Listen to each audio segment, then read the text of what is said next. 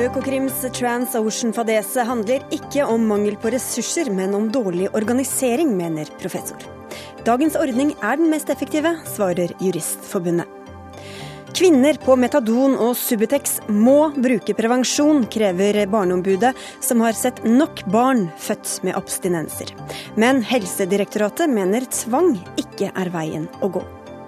Og skole i Trondheim innfører kjønnsdelt svømmeundervisning pga. kroppspress. Sånn kan vi ikke ha det, protesterer Frp, mens Miljøpartiet De Grønne mener elevene må få bestemme selv.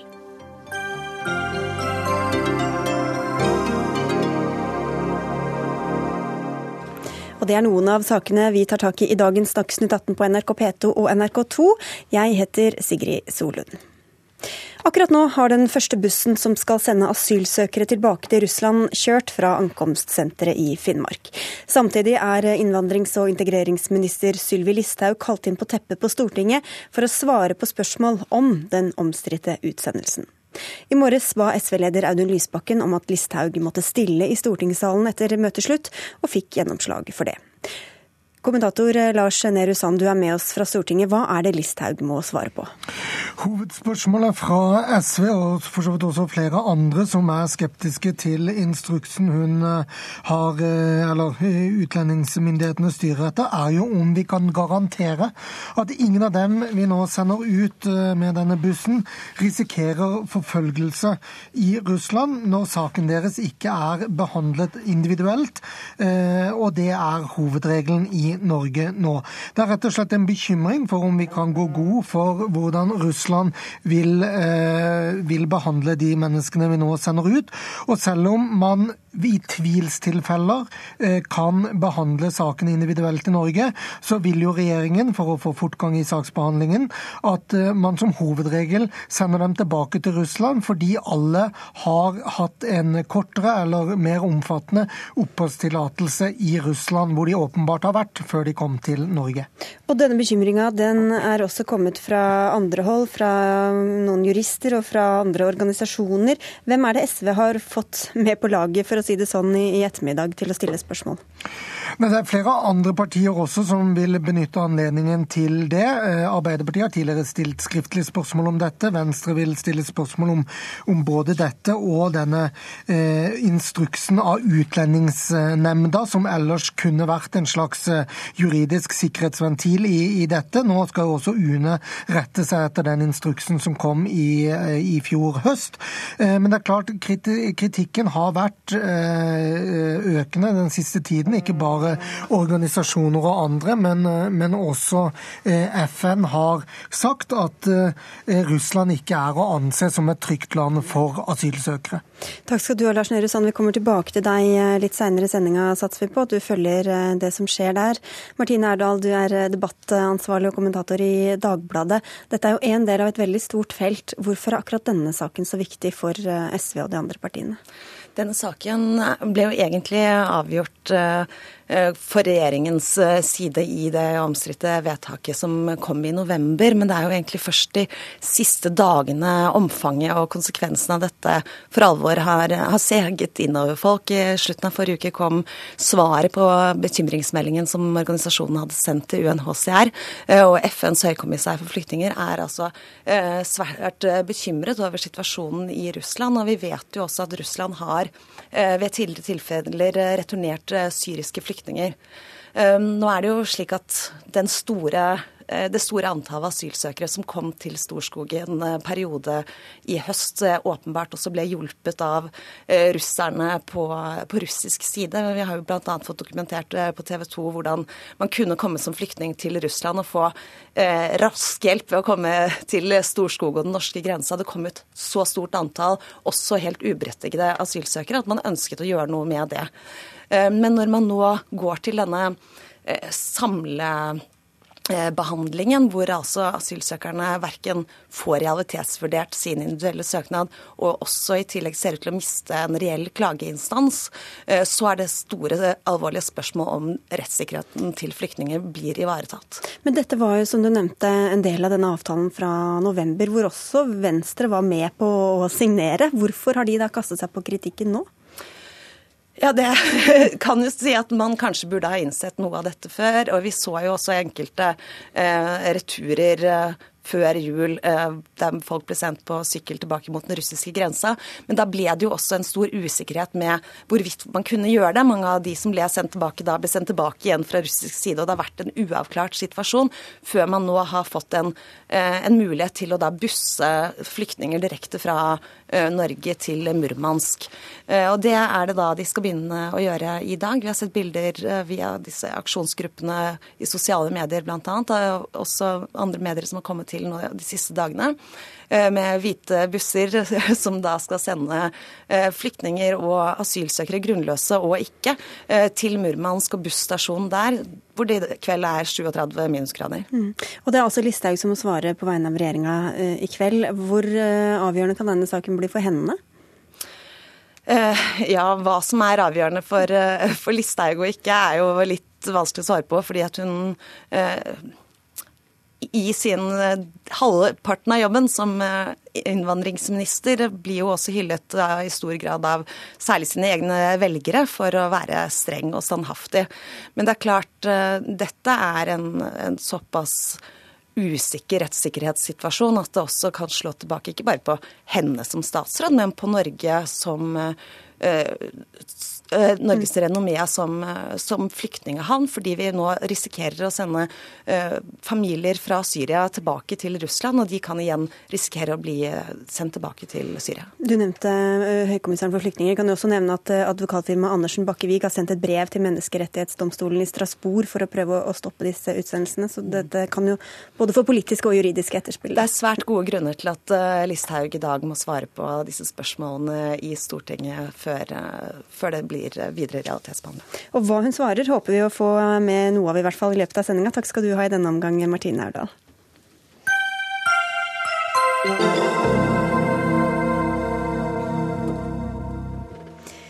Bør kvinner som får LAR-behandling, altså legemiddelassistert rehabilitering, tvinges til å bruke prevensjon? Det foreslår Barneombudet nå fem år etter at retningslinjene for gravide på LAR-behandling trådte i kraft. Helsedirektoratets retningslinjer anbefaler å opprettholde behandlingene med Metaton og Subutex under svangerskapet, men det kan gå hardt utover barna når de blir født. Barneombud Anne Limbo, hva er det som har fått deg til å kreve at disse kvinnene, som altså får behandling i forsøk på å bli rusfrie, skal måtte ha prevensjon for å få denne behandlingen? Det er den effekten denne legemiddelbehandlingen har på barna. Eh, under svangerskapet har de det ikke så bra. De blir født med lavere eh, fødselsvekt. Etterpå så gjennomgår veldig mange av dem eh, en lang periode med alvorlige abstinenser, skjelvinger, ristinger, som kan føre til gnagsår. Eh, og så har vi også en del studier som viser at det kan ha langtidseffekter som påvirkning på hjernen, både når det gjelder øyebevegelser, finmotorikk osv. Pga. disse ekstremt alvorlige konsekvensene for barna, så mener jeg at eh, legemiddelassistert behandling og svangerskap eh, det passer ikke sammen. og Derfor må det være et kriterium om bruk av langtidsvirkende prevensjon mm. når man får denne behandlingen for å skåne barnet. Vi skal snart komme tilbake til det, men vi skal gå litt mer i detalj om forholdene for disse barna. Professor ved NTNU og overlege ved barne barne- og ungdomsklinikken ved St. Olavs eh, hospital, Ann Mari Brubakk. Du har 20 år eh, bak deg hvor du har jobba med barn født av rusmisbrukere. Kan ikke du utfylle litt om hvordan disse barna får det når de fødes? Ja, altså Den klassiske eh, abstinensen til disse barna, det er jo, eh, som Barneombudet sier, eh, veldig urolig, våken, sover, skriker, sover veldig kort, eh, våkner etter en halvtime, man forsøker å gi mat, men de drikker dårlig, de kan svette hyperventilere, og det kan foregå lenge.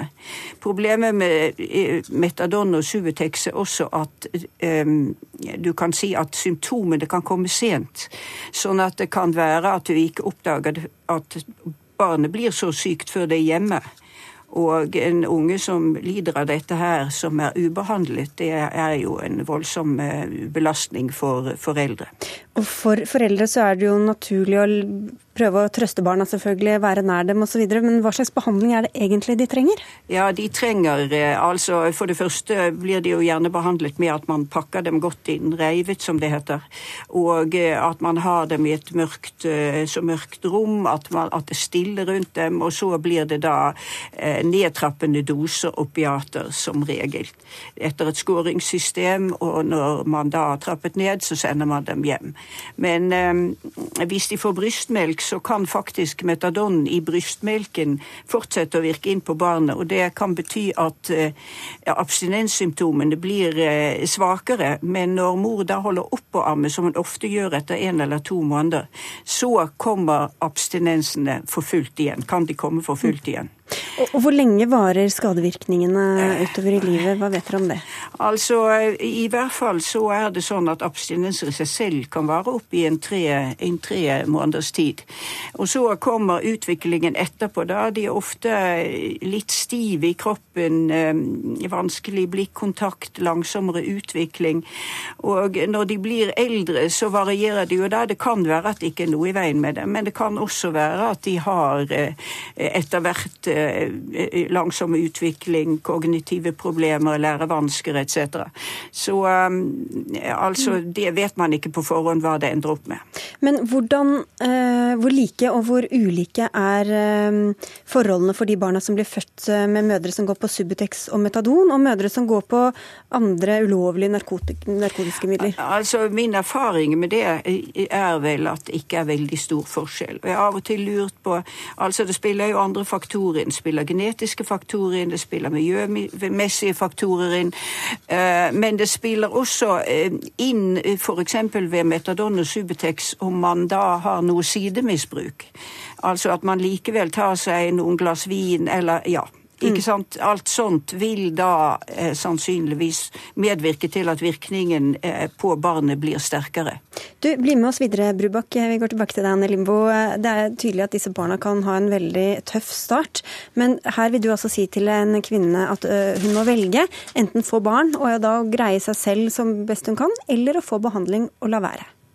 Men det som er viktig her, er hensyn til barnet. Det er barnet som er den svake part, eh, og det er barnet som må ha det største vernet her. Og når vi kjenner til de ekstremt eh, smerte smertefulle abstinensene vi vet de aller fleste barna får, også har eh, mistanke om at en del får ganske alvorlige eh, senkomplikasjoner, så må det stå i fokus. Og så er det jo ikke sånn at kvinnen ikke skal få mulighet til å bli gravid. Vi, vi mener at så lenge kvinnen står på LAR-behandling, eh, så må hun også eh, ta imot eh, tilbud om langtidsvirkende prevensjon for å gi barnet en god start på livet. Og ønsker hun å bli gravid, så må man trappe ned først, sånn at hun er eh, av behandling når hun blir gravid, og sånn sett også kan gi barnet en god start på livet. Men hvordan vet du at det er alternativet, og at ikke alternativet er å bare fortsette å ruse seg på ulovlige rusmidler og få barn når ingen passer på? Det vil alltid være en risiko for det, men igjen så er det eh, hensynet til barnet her som må være det ledende. Eh, og det føre-var-prinsippet også, at i medisinen så er vi hele tiden sånn at vi påfører eh, ingen barn, spesielt ikke fosterlivet, pga. den veldig følsomme fosterhjernen, noe som kan være potensielt eh, skadelig. Og Det må også være fokuset her. og Det finnes en mulighet for at disse kvinnene kan bli gravide, men da bør man først ha en kontrollert nedtrapping, eh, sånn at både kvinnene og barnet kan få en god start. Det er altså rundt 40 barn hvert år som blir født med sterke abstinenser som følge av denne, eh, disse Subutex- og metadonbehandlingen. Johan Torgersen, du er divisjonsdirektør eh, for spesialhelsetjenesten i Helsedirektoratet. Og heller ikke dere mener vel at det er optimalt akkurat at disse kvinnene får barn? Nei, eh, nå har vi fått gode beskrivelser både av problemstillingen og hvordan eh, disse barna har det. og det er klart at eh, Alle som er helsepersonell, altså jeg lege selv, har sett barn i den situasjonen. Det river igjen. Jeg tør ikke tenke på hvordan foreldrene har det, og ikke minst barnet sjøl.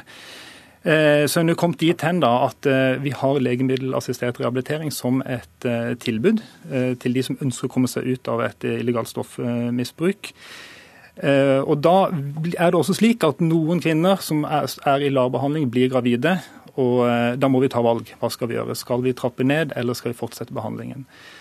Og Helsedirektoratet har vurdert den kunnskapen som, eh, som, handler om dette. Vi har vurdert forskning. For oss er ikke kunnskap bare forskning, det er også å lytte på fagfolk, det er lytte på de brukerne, pårørende osv. Og Når vi oppsummerer dette, så lander vi på noen anbefalinger. Og Jeg har bare lyst til å si eh, innledningsvis at Den viktigste anbefalingen vi har i retningslinjene våre knyttet til akkurat dette, det er at eh, når man, eh, det blir erkjent et svangerskap hos den som står på LAR, så er det viktig å iverksette god oppfølging fra dag én når det er, oppfølg, nei, når det er avdekka, og, og følge oss etter fødselen og i oppvekstårene, og i hvert fall fram til skolealder. Ja, men da er det lettere å behandle dem når barna er ute, enn at man trapper, trapper ned mens det er inne i, fosterlivet? Det, det, kan du også gjøre. Altså, vi har mer kunnskap om den situasjonen etter barnet er født, enn det hva som skjer i fosterlivet. Men så foreslår altså Barneombudet å ikke la noen komme i den uh, situasjonen. Uh, hva, hva, ville vært konsekvensen av det forslaget, hva mener du, som, som, dere altså ikke går med på?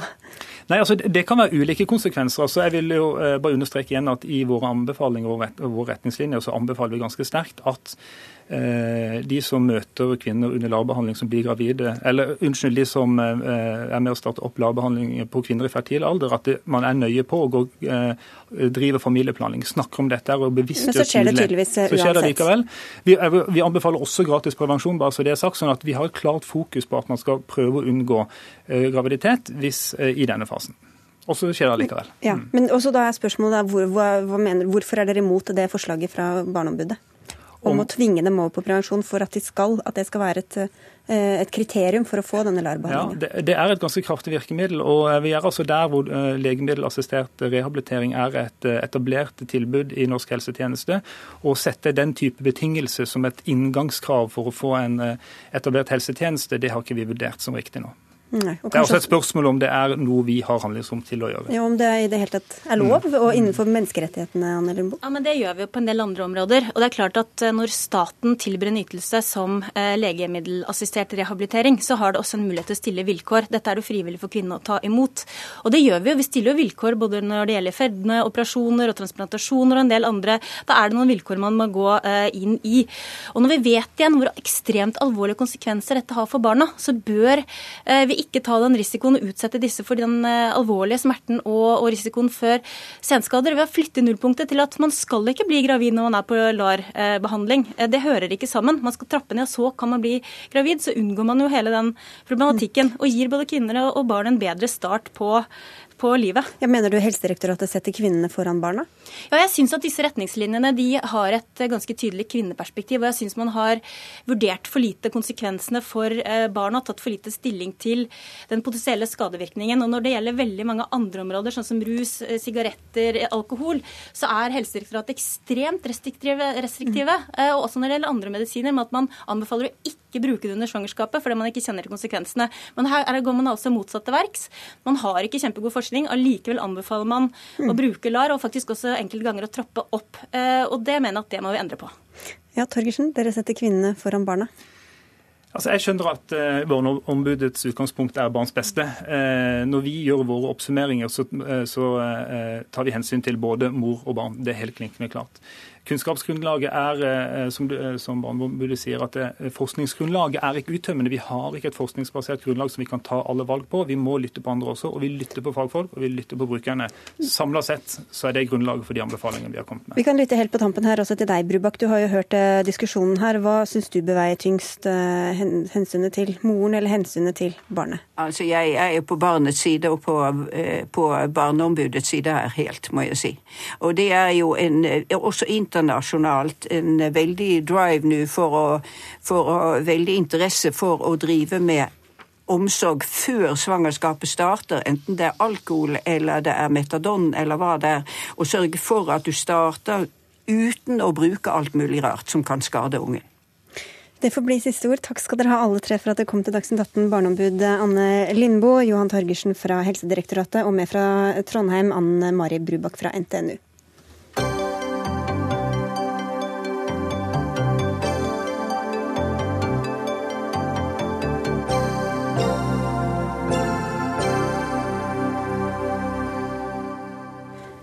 Ettermiddag kom beskjeden fra Riksadvokaten. TransOcean-saken skal granskes.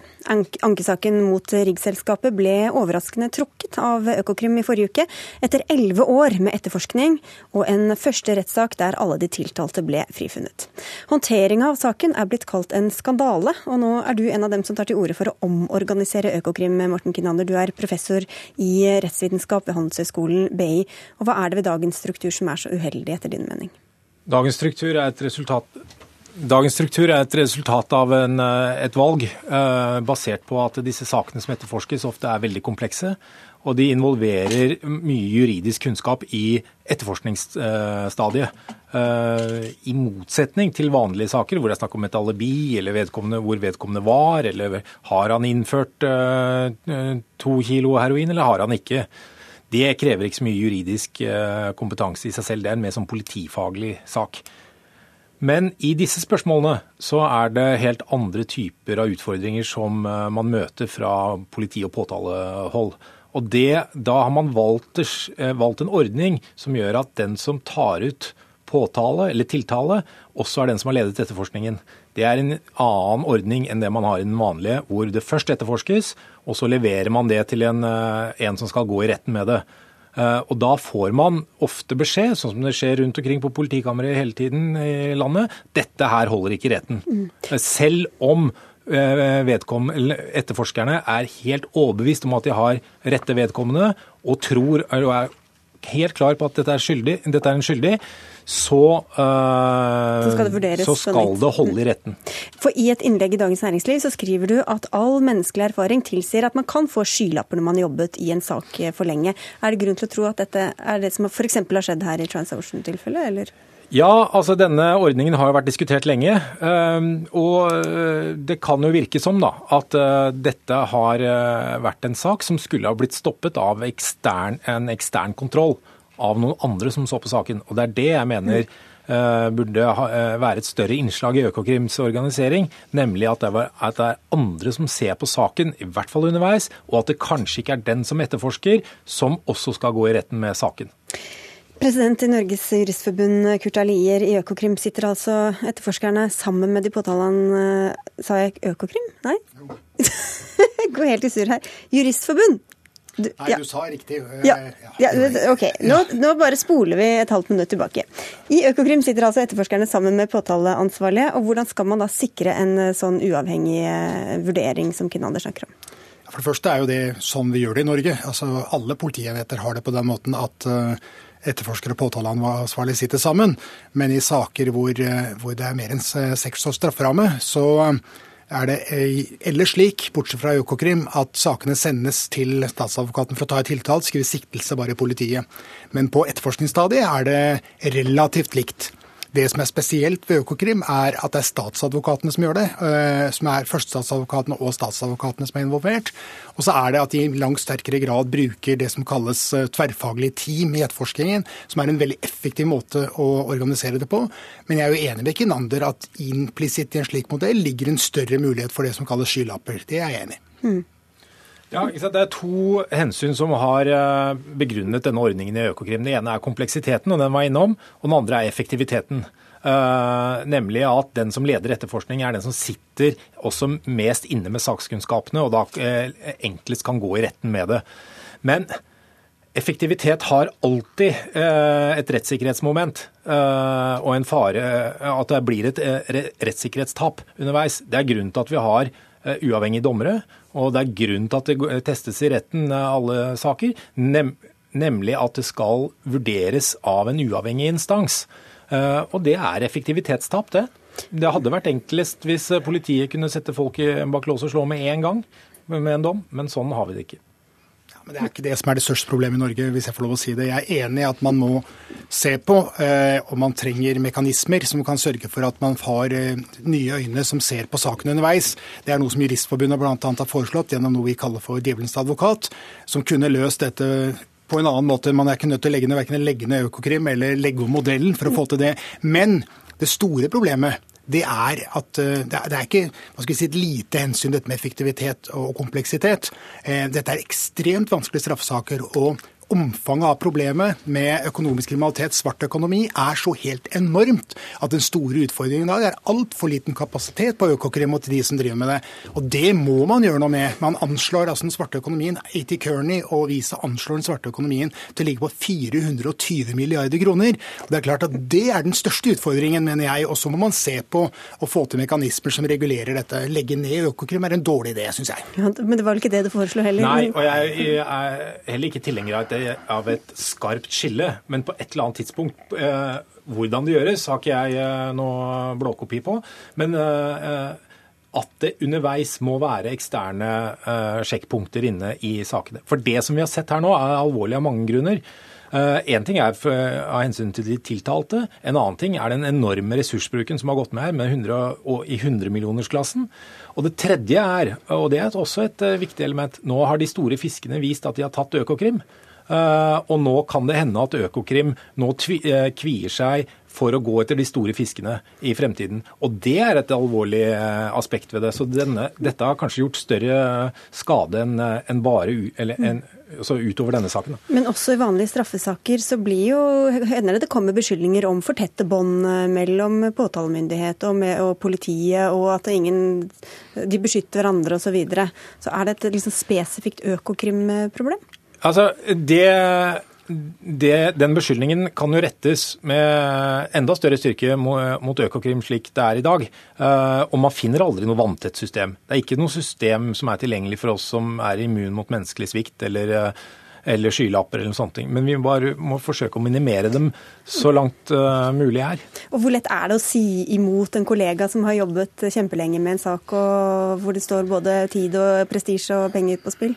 Ja, altså det er ikke noe tvil om at uh, når man kobler, eller når saken ledes av assisterende Økokrim-sjef, uh, førstestatsadvokat og sånn, så har vedkommende stor autoritet. og Nå kommenterer jeg altså ikke denne konkrete saken, for det vet jeg ingenting om, men på generelt grunnlag så vil det kunne være vrient. Men vi har altså foreslått en enkel mekanisme som vi kaller djevelens advokat, som Arbeiderpartiet tok rett inn i sin justispolitikk, som går på, og det koster veldig lite penger, å ha et uavhengig menneske med høy faglig kvalitet, som kommer inn på forhåndsangitte tidspunkter i saken og ser med eh, friske øyne på saken, og stiller altså de vanskelige spørsmålene. Men de er jo ikke nødt til å følge dem, da? Hvorfor skal, hvorfor skal økonomisk kriminalitet hvorfor skal det være dårligere rettsvern der enn i andre saker? Det er ikke dårligere rettsvern der. Altså, det, poenget med den saken er det man sa, at man har behov for spesielle ordninger. Og det store utfordringen er altså at det skulle vært gjort langt mer. Og med respekt å melde, Økokrimsjefen har vært ute så mange ganger og fortalt om hvor elendige rammebetingelsene er. Jeg mener det var fem nye saker tok inn i fjor. Så det største problemet er at man gjør noe seriøst med rammebetingelsene og ressursene deres. Og så må man også sette inn kraft noen form for mekanismer, altså den mekanismen vi har foreslått, som sikrer at man får inn friske impulser, for det minsker minske muligheten for skylapper. Helt uh, kort der. Uh, hadde det vært en ekstern uh, sjekk på denne saken, så hadde man, hadde man kanskje hatt hundrevis av millioner av kroner å bruke annerledes på å etterforske andre saker. Vi får se hva som skjer når eh, dette nå skal granskes. Takk i hvert fall til dere begge to, Morten eh, Kinander fra eh, Handelshøyskolen BI og Kurt Alier fra Norges Juristforbund.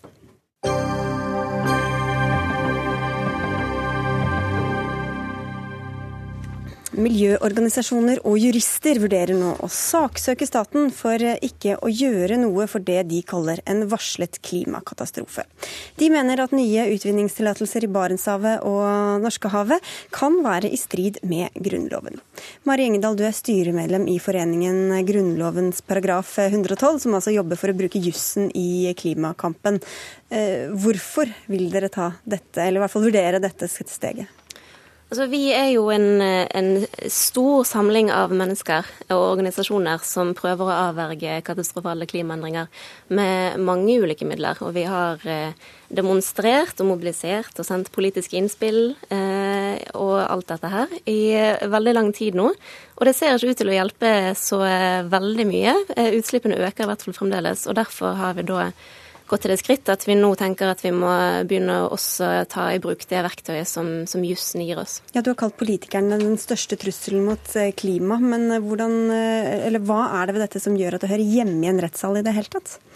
Vi mener jo at, at uh, måten vi styrer mot en, en, veldig høy global oppvarming er direkte i strid med Grunnloven, nærmere bestemt den grunnlovsparagrafen 112.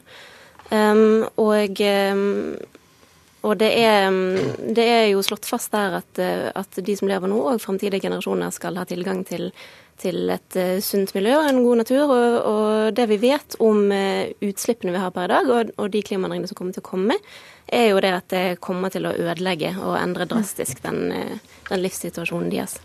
Stortingsrepresentant for Høyre Michael Tetzschner, du vil ikke se denne saken inn i en rettssal. Du mener den vel ikke hører hjemme der, hvis jeg har forstått det riktig. Hvorfor er ikke dette en sak for jussen? La meg først si at jeg kan sympatisere med miljøbevegelsen, som arbeider for å løse problemer som vi alle ser, og som konferansen i Paris akkurat har tatt alvorlig og resultert i en forpliktende og meget omfattende avtale. Det er grunnen til at man ikke kan bruke Grunnloven, det er jo at uh, man knytter jo dette til et, et uh, politisk syn om at man ikke liker uh, oljevirksomhet, og man liker ikke norsk oljevirksomhet, og man liker jo ikke heller planer om å eventuelt utnytte senere ressursene i Barentshavet. Men da kan man ikke bruke paragraf 112 i Grunnloven, fordi den ikke gir hjemmel for å drive frem en politikk, uansett om man måtte eh, sympatisere med formålet. Og Grunnen til det er jo også at staten oppfyller jo sine miljøforpliktelser ved nettopp å legge til rette for en eh, miljøpolitikk som gjør at vi kan motvirke de klimaendringene som skyldes for stort utslipp til atmosfæren av CO2-gasser. Og der er Det vel, for det er jo både politiske uenigheter og faglige uenigheter om hva som faktisk eh, er riktig vei å gå, f.eks. med gassutvinning. Så hvordan skal en tingrett da i første instans ta stilling til alle disse komplekse spørsmålene? Det er jo noen ting som eh, står ganske klart når det kommer til klimaforskning. Og det vi allerede vet, er at uh, mesteparten av de kjente fossile ressursene må ligge i bakken for å forhindre global oppvarming. Det visste vi allerede før Paris, og i Paris så ble jo målet skjerpet fra å begrense det til to grader uh, og nå til 1,5. Uh, og det må jo ha veldig tydelige konsekvenser for norsk klimapolitikk. Um, og vi vet at hvis vi, hvis vi, åpner for flere oljefelt nå, så vil jo det bidra til økte klimaendringer. Sånn at mm. Men dette er jo en vanlig eh, påstand som hører hjemme eh, absolutt eh, i politiske, de politiske institusjonene som diskuterer dette.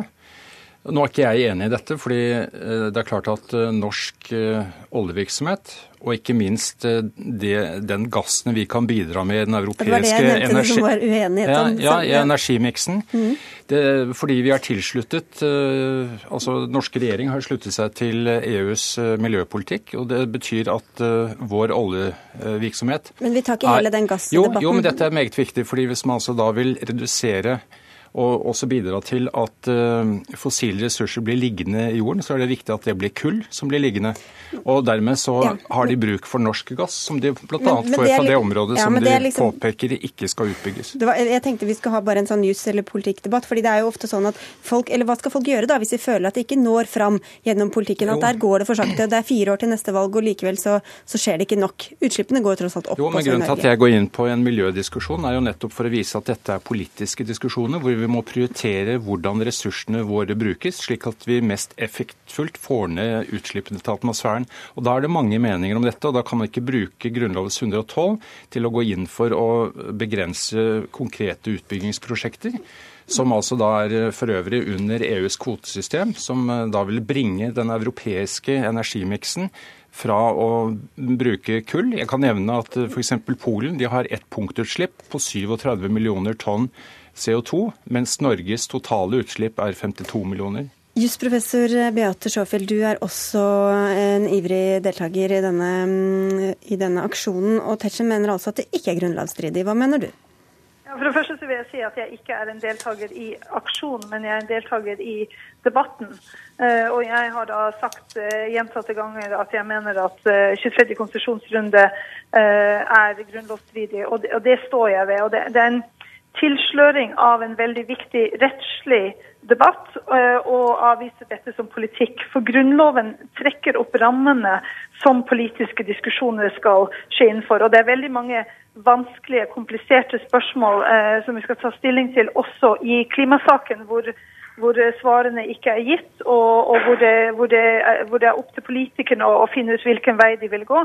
Men med uh, å åpne uh, for 23. konsesjonsrunde, så, så, åpner man for noe som er stikk i strid og helt uforenlig med eh, togradersmålet, som er internasjonalt vedtatt, og, og som Norge også har slutta seg til, og som man nå har skjerpa i, i, eh, i, i Parisavtalen. Men det, det er de samlede utslippene som gjelder. Hvordan skal en rett da ta stilling til én eh, del av politikken, i dette tilfellet oljeutvinning i Barentshavet og, mm. og Norskehavet? Ja. Og, og, der er det veldig mye forskning som en domstol kan støtte seg til, inkludert forskning som nettopp har tatt for seg disse spørsmålene. Altså, hvis vi nå legger togradersmålet til grunn, og hvis vi legger til grunn at uh, flesteparten av kjente fossile ressurser må bli liggende i bakken, hvilke er, er det da eh, aktuelt å ta ut? Og der er da Arktis et område hvor det overhodet ikke er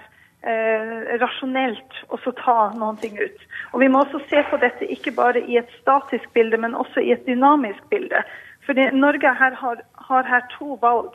Enten å være med på et sånt eh, fossilt kappløp mot Arktis, la oss få ut mest mulig, eller å være med på det som allerede er i gang, nemlig den globale omleggingen fra fossilt til, til fornybart. Å åpne 23. konsesjonsrunde er så til de grader ikke forenlig med togradersmålet at man går utover det politiske handlingsrommet og, og, og, og i strid med det, det minste kravet til miljø som Grunnloven sikrer også. Og her er, det, her er dere uenige, som du sa i stad, men jeg må bare spørre altså, hvorfor strammet dere inn denne paragrafen da, for et år siden, eller når det var, hvis dere ikke mente noe med det? Hva skal man med den paragrafen da, hvis ja, det ikke skal den, brukes? Ja, det ble presisert. Uh, ordlyden ble jo ikke særlig forandret. for Vi gikk jo da over til uh, et moderat uh, verdig bokmål i, i, paragrafene. Men vi har hatt denne bestemmelsen i prinsippet siden 92. og den har vært lite det var påberopt 13 ganger.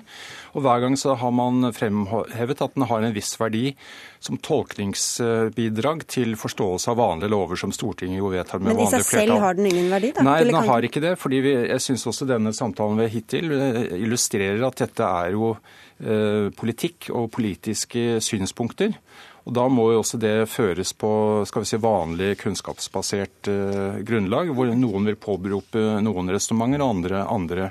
Jeg kan bare nevne at, for å gå litt inn på realiteten her, at hvis vi stenger oljevirksomheten i Norge, så betyr det jo at eh, Europa kommer til å opprettholde en Eh, meget høy energimiks med stort innslag av eh, kull, kullfyrte kraftverk. Og, og, men helt på tampen av gjengen, da. Jeg vet at du er enig, for det her er vi inne i den, de politiske uenighetene. Ja, men, men altså, her er Tetzschner sa én ting som jeg er helt enig i, og at vi må ha et kunnskapsbasert grunnlag å, ja. å diskutere på.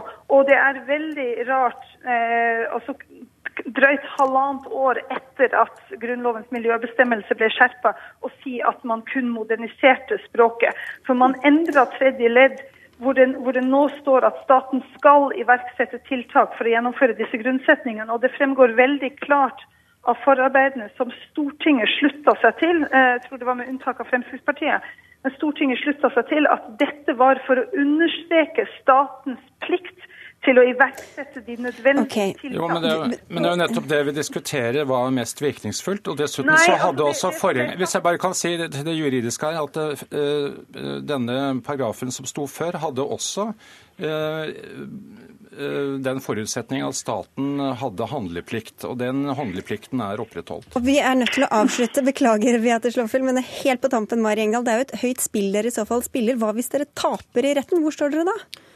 Vi mener jo at eh, det å løfte denne debatten har en verdi i seg sjøl. Eh, og denne paragrafen har ikke blitt testet i retten før. Eh, Grunnloven slår jo fast grunnleggende rettigheter for befolkningen. Og hva skjer da i det tilfellet der politikerne går i strid med den grunnloven? Det ønsker vi å finne ut. Og det å avdekke hvorvidt denne grunnloven bare er unødvendig, er jo også eh, noe som er nyttig å finne ut av. Vi får eh, si tusen takk til dere alle tre. Si at Vi sympatiserer med de som prøver lovens muligheter, også rettssystemet, men de kommer ikke til å nå frem. Vi får vente i spenning. Takk skal dere ha. Vi skal gå fra klima til natur.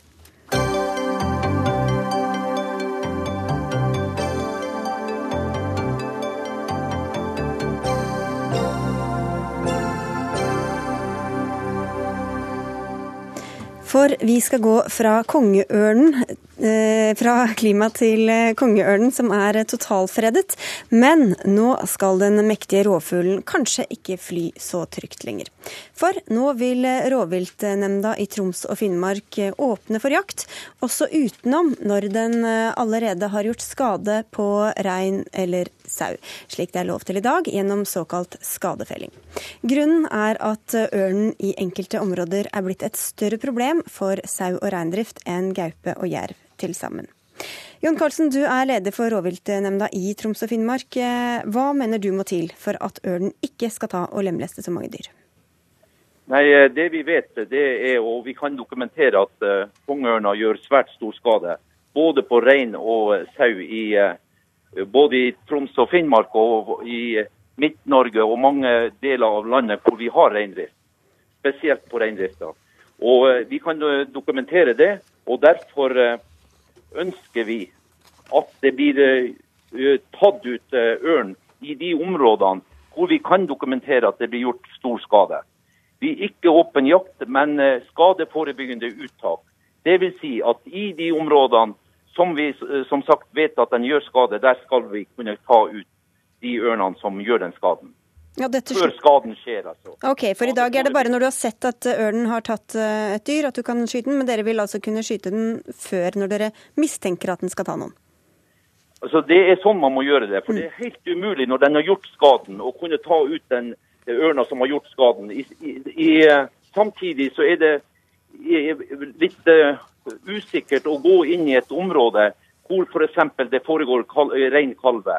Det er å gå da inn i det området og ta ut ei ørn som har gjort skade, er veldig vanskelig. Eh, så eh, vi vil ta ut ørna før den gjør skaden. Det er riktig. Kristian Børslin, du er eh, rådgiver for naturmangfold i Naturvernforbundet. Hva mener du kan skje hvis det nå blir gitt en videre tilgang til å ta denne kongeørnen i dag? Ja, for det første så er det feil virkemiddel. Man oppnår ikke det man vil. fordi hvis man tar ut ørn lokalt, så er ørn et flygende vesen, og kongeørn ikke minst. Da vil det fylles på med individ fra andre områder, og så er man egentlig like langt. Og Skal man oppnå noe, så må man faktisk til en bestandsreduksjon i et enormt område. Og det forstår jeg det sånn at det ikke er det dere, det dere er ute etter, Karlsen. Ja, jeg vil gjerne svare på det. Altså Hvis man skal bruke den retorikken, så er det nesten sånn at man ikke ta, kan ta ut et eneste rovdyr. For det sier man det samme når jerven gjør skade på norsk side av eh, grensen til Sverige. Så sier man tar man ut jerven, så kommer det svenske, svenske jerv inn og gjør akkurat like stor skade. Altså, Vi mener at det er verdt et forsøk. Eh, det her må man kunne prøve i noen år og se om det hjelper. Ikke permanent, men som et prøveprosjekt så jeg tror jeg absolutt at man må kunne gjøre et forsøk. For ørna gjør sånn enorme skade. Bare i Troms i 2015 så kan vi dokumentere at ørna gjorde større skade enn eh, jerven og gaupa til sammen. Så eh, noe må gjøres, og det her er absolutt et forsøk som man må, bør prøve ut. Ja, eh, altså det er jo det er faktisk sånn som jeg ser det, og det gjelder også for jerv ganske riktig og gaupe, altså hvor vi har et påfyll fra nabolandet, fordi de holder på større bestand enn det vi ser oss råd til. Så det vil skje akkurat sånn som det skjer med jerven, som vi, du sier at vi sier, og det sier vi faktisk. Sånn skjer det, og sånn foregår det. Det samme vil skje med ørn. Ja, men... Vi må få inn en tredjeperson her. Heidi Greni, du er stortingsrepresentant for Senterpartiet. Hvem er dere enige med her? Vil dere beholde dagens system, eller vil dere åpne for mer jakt?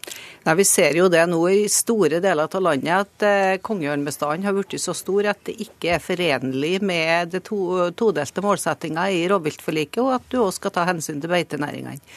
Så vi er helt enig i at det er nødt til å tas ut. og det må ta, Som bestandsregulering så er det nødt til å, til å tas ut i de områdene der de er mest plaga. Og uansett så vil de jo Alle må jo være enig i at eh, er det færre, færre kongeørn, så vil det jo òg bli færre ja, ren og søt tid av kongeørn. Så det er vi nødt til å sette inn tiltak, og vi er nødt til å sette inn dem straks før mm. tar til på nå i vår. Er det grunnlag for å si at det er blitt mange flere kongeørn, Linn? Det er jo nettopp det sviktende premisset som de, de bygger på det øker ikke. Altså Karlsen har nettopp vært på en konferanse i Hamar i helga, hvor han fikk fremlagt det siste fra forskninga som rovviltnemnda, som du er leder av, Karlsen, ba om å få. Og Da ble det fremlagt det finnes ca. 963 aktive par i eh, Norge. Det er eh, nokså stabilt. I hvert fall de siste 15 åra er det svært stabilt, egentlig antagelig mye mye lenger. Og faren er tvert imot at det blir mindre pga. svikt i harebestanden, svikt i rypebestanden. Altså det, ikke, det, det, tallet er nok ikke helt korrekt. Det er 963 hekkende par i de Aktive. der vi har telt eh, ørn hittil. Men har, det er mange områder som ennå ikke er telt.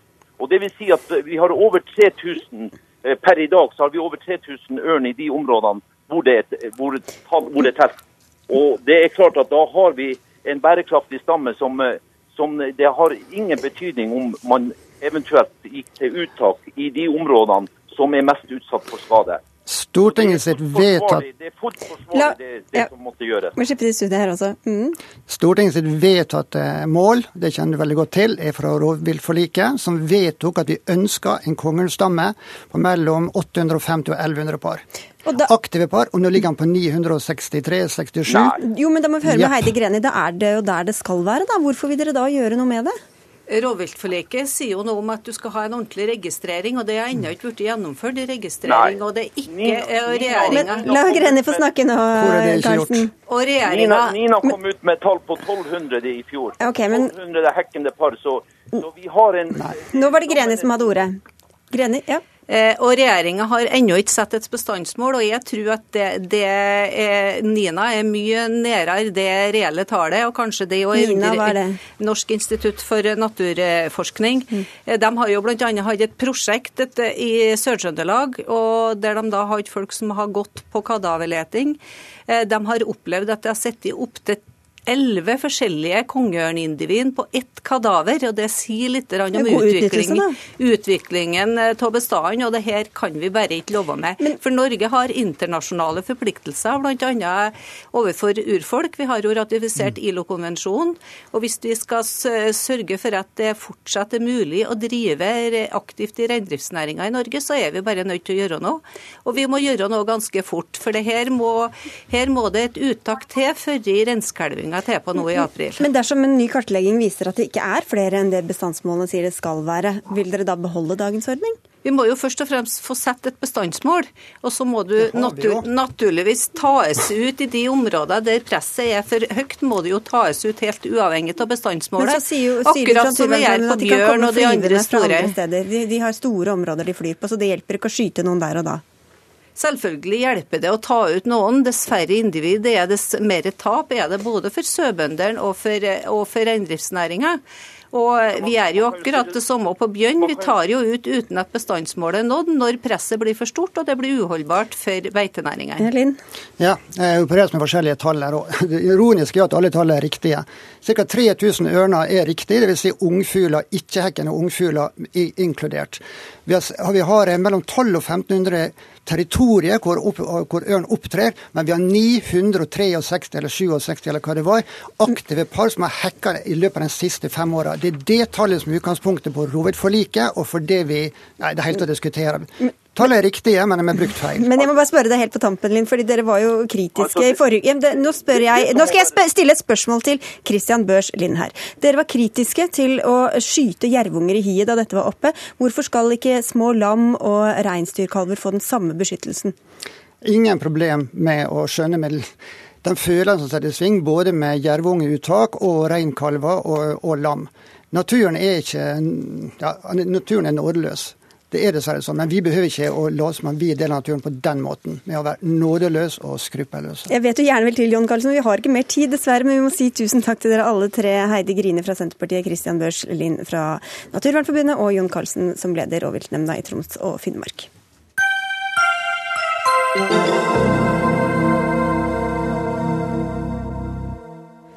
En skole i Trondheim har bestemt at svømmeundervisninga for 8. og 9. trinn denne våren skal deles opp mellom gutter og jenter. Det skriver Adresseavisen.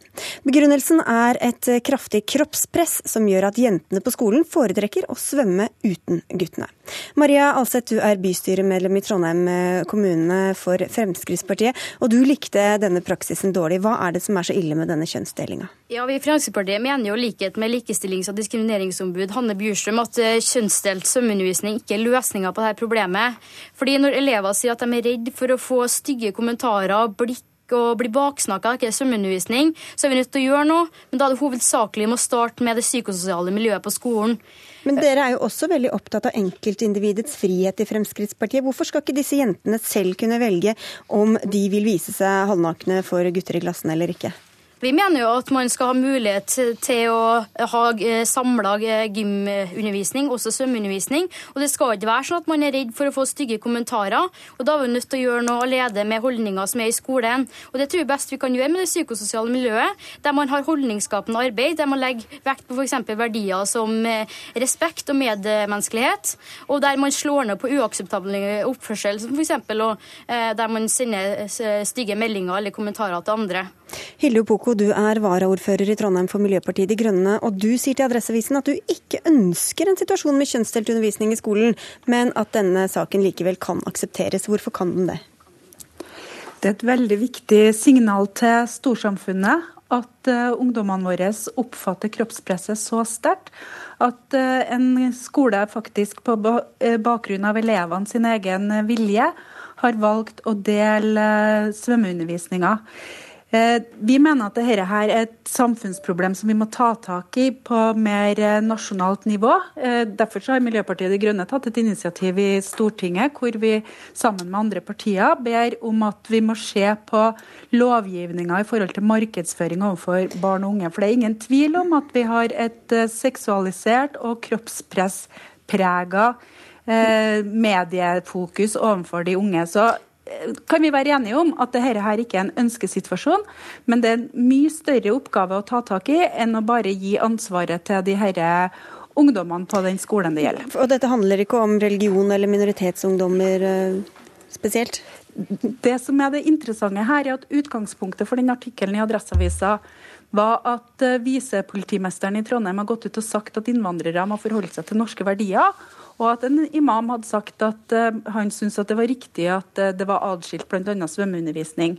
Så har Adressa gått ut og undersøkt om det er sånn i Trondheimsskolen, og kommer tilbake med det resultatet at det eneste delte svømmeundervisninga er faktisk basert på norske verdier. Fordi at det gjelder ikke innvandrermiljø, det gjelder norske ungdommer som mm. føler seg beglodd av hverandre. Men uh, altså, du sier at sånn bør det ikke være. Men hvis det er sånn, hvis det føles sånn for disse jentene, hvorfor er det da så farlig om de får egen svømmeundervisning og guttene får sin? Jeg syns man ikke skal være nødt til å ha kjønnsdelt svømmeundervisning. Og de sier jo Men de ønsker de, det jo selv? Ja, de, de ønsker det sjøl fordi de føler at det, holdningene er sånn på skolen at de kan bli baksnakka eller få blikk og kommentarer. Og Da er man jo nødt til å gjøre noe med det her i skolen. Man kan ikke tillate at det skal være sånn at man føler at man får eh, bli behandla dårlig hvis man viser seg i svømmeundervisninga eh, med lite klær. Så vi mener jo at man må gjøre noe på skolen, så at man faktisk kan ha svømmeundervisning sammen. Sånn at jentene og guttene føler behagelig å ha svømmeundervisning svømmeundervisning i samme svømmehall samtidig. Det, det er dere sikkert enige om, Opoku, men kroppspress kan jo også skje alle andre steder enn i svømmetimene. Skal man ha kjønnsdelt eh, friminutt, eh, kjønnsdelt eh, skole om sommeren, eller hvordan skal man gjøre det? Nei, jeg er enig med Alseth i at dette her er en situasjon som vi må nødt til å løse opp i. Men jeg syns det er viktig at skolen har tatt elevene på alvor når de har gitt dette signalet her og vise med det tiltaket at de hører hva de sier. Og så må vi jobbe for at man skal komme tilbake til en felles svømmeundervisning, og at ikke dette her skal bli en samfunnsutvikling. Eh, men det er et kjempeviktig signal for oss eh, i Trondheim kommune, men det er også et kjempeviktig signal for storsamfunnet for øvrig på at vi er på en, en feil galei når det gjelder det her med kroppspress. En undersøkelse fra Institutt for forbruksforskning viser at hele 85% av jentene og 30% av guttene opplever at de er utsatt for kroppspress. Og Det er ganske alvorlig. og Vi vet samtidig at det er stadig flere av ungdommene våre også som dropper ut av skolen, eller som melder at de har, eh, har eh, psykiske utfordringer. Men da er det vel ikke en løsning ja, Unnskyld at jeg avbryter deg. Er det en løsning å bare å, å, å, å, dele opp svømmeundervisningen? Er det, er det liksom løsninga? Nei, men det jeg prøver å si er at dette er et viktig signal til oss på at vi må nødt til å begynne å gjøre noen ting. Og vi skal ta ungdommene våre på alvor når de prøver å fortelle oss at de har det ikke greit med de verdiene og de normene som ligger til grunn for hvordan man skal se ut, for det er jo det de snakker om. Hvilke kroppsnormer som ligger til grunn for å være en vellykka ungdom. Og vi kan sikkert også være enige om at det er ganske mye annet press også som våre unge utsettes for i dag. Mange krav som skal nås for å være såkalt vellykka. Og det må vi begynne å ta på alvor, sånn at vi slipper denne situasjonen her. Da får dere finne noen felles virkemidler, da, Maria Alseth? Ja, absolutt. Og det er jo viktig at man tar i bruk ressurser som man allerede har, f.eks. skolehelsetjenesten. Eh, og også gymtimene kan tas i bruk til at man skaper sunne holdninger til egen kropp og helse. Fordi Læreplanen jo, i gym legger jo vekt på at man skal bidra til å styrke elevens selvtillit og gi et positivt bilde av sin egen kropp. Og det her tror jeg man kan bruke til å sørge for at elevene får eh, gjennom skolen et bedre forhold til sin egen og også andres kropp. Og det tror jeg kan bidra til å redusere kroppspresset blant ungdom. Tusen takk skal dere ha begge to, Maria Alseth fra Fremskrittspartiet og Hilde Opoku fra mm, Miljøpartiet De Grønne.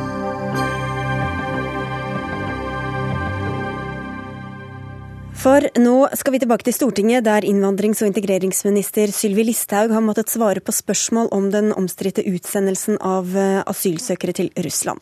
Politisk kommentator i NRK Lars Nehru Sand Listhaug har nettopp sagt at hun vil møte FNs flyktningutsending i løpet av januar. Betyr det at hun har tatt kritikken fra FN innover seg?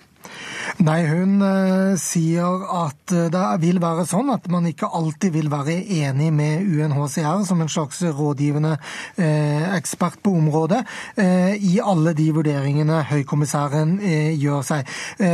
Listhaug og regjeringen er, som også statsministeren har sagt til Stortinget senest i forrige uke, trygge på at det Norge gjør nå er innenfor folkeretten, slik vi vurderer det. Hva annet er det hun har svart på og sagt i løpet av den siste timen? Hun legger vekt eh, på at Russland for de fleste eh, borgere vil være et eh, trygt land som, som tredjeland for de fleste asylsøkere som sendes ut av Norge. Og hvis man er i tvil om det, så skal man ta vurderinger i enkeltsaker, og at hun har tillit til at utlendingsmyndighetene i Norge vil gjøre det. Hun er også glad for at Stortinget klarte å endre disse lovene som muliggjorde denne forskriften, med en hurtig behandling i fjor høst, eh, slik at man fikk en rask avklaring og mm. rask retur av mange enkeltsaker. Og helt på tampen, Hva har hun sagt om hvem det er som faktisk blir sendt tilbake til Russland? Hun sier at det er personer som har eh, flere innreisevisum, eh, og personer med oppholdstillatelse. Takk skal du ha, Lars Nehru Sand, som følger dette videre på Stortinget. Nå skal vi ønske velkommen til et annet eh, kjent fjes her på NRK2, hvor det er eh, premieretid i kveld. For da skal mannen som kommer inn døra nå, ha det første programmet sitt i serien som bærer hans navn. Men det var ikke du som insisterte på navnet på programmet, eller hva, Ole Torr? Nei, jeg syntes jo det skulle hete Månelyst, for det er det det skal bli Oi. i det studioet. Det skal avsløres, og det skal gå sent på kveld, så vi syns det var morsomt. Men så var det noen redaktører som ville det annerledes. Og du har nettopp eh, fullført eh, det første opptaket til det første programmet. Ja. Hva kan du vi røpe? Har, eh, vi har i kveld invitert advokat Brynjar Meling, som, som jo forsvarer Krekar i tykt og tynt gjennom mange år og må tåle mye pes for det. Han måtte tåle noen spørsmål også om det i studio i kveld. Og han er en interessant fyr. Han slår jo tilbake og kritiserer myndighetene for måten Krekar har vært behandlet på i dette landet. Så det tror jeg blir et ålreit intervju. Du, det var jo mange som engasjerte seg da ditt forrige program Aktuelt ikke skulle gå lenger. Hvordan skiller det nye programmet ditt seg fra Aktuelt? Eh, Aktuelt var jo et debattprogram som eh, på mange måter kunne minne om Dagsnytt 18.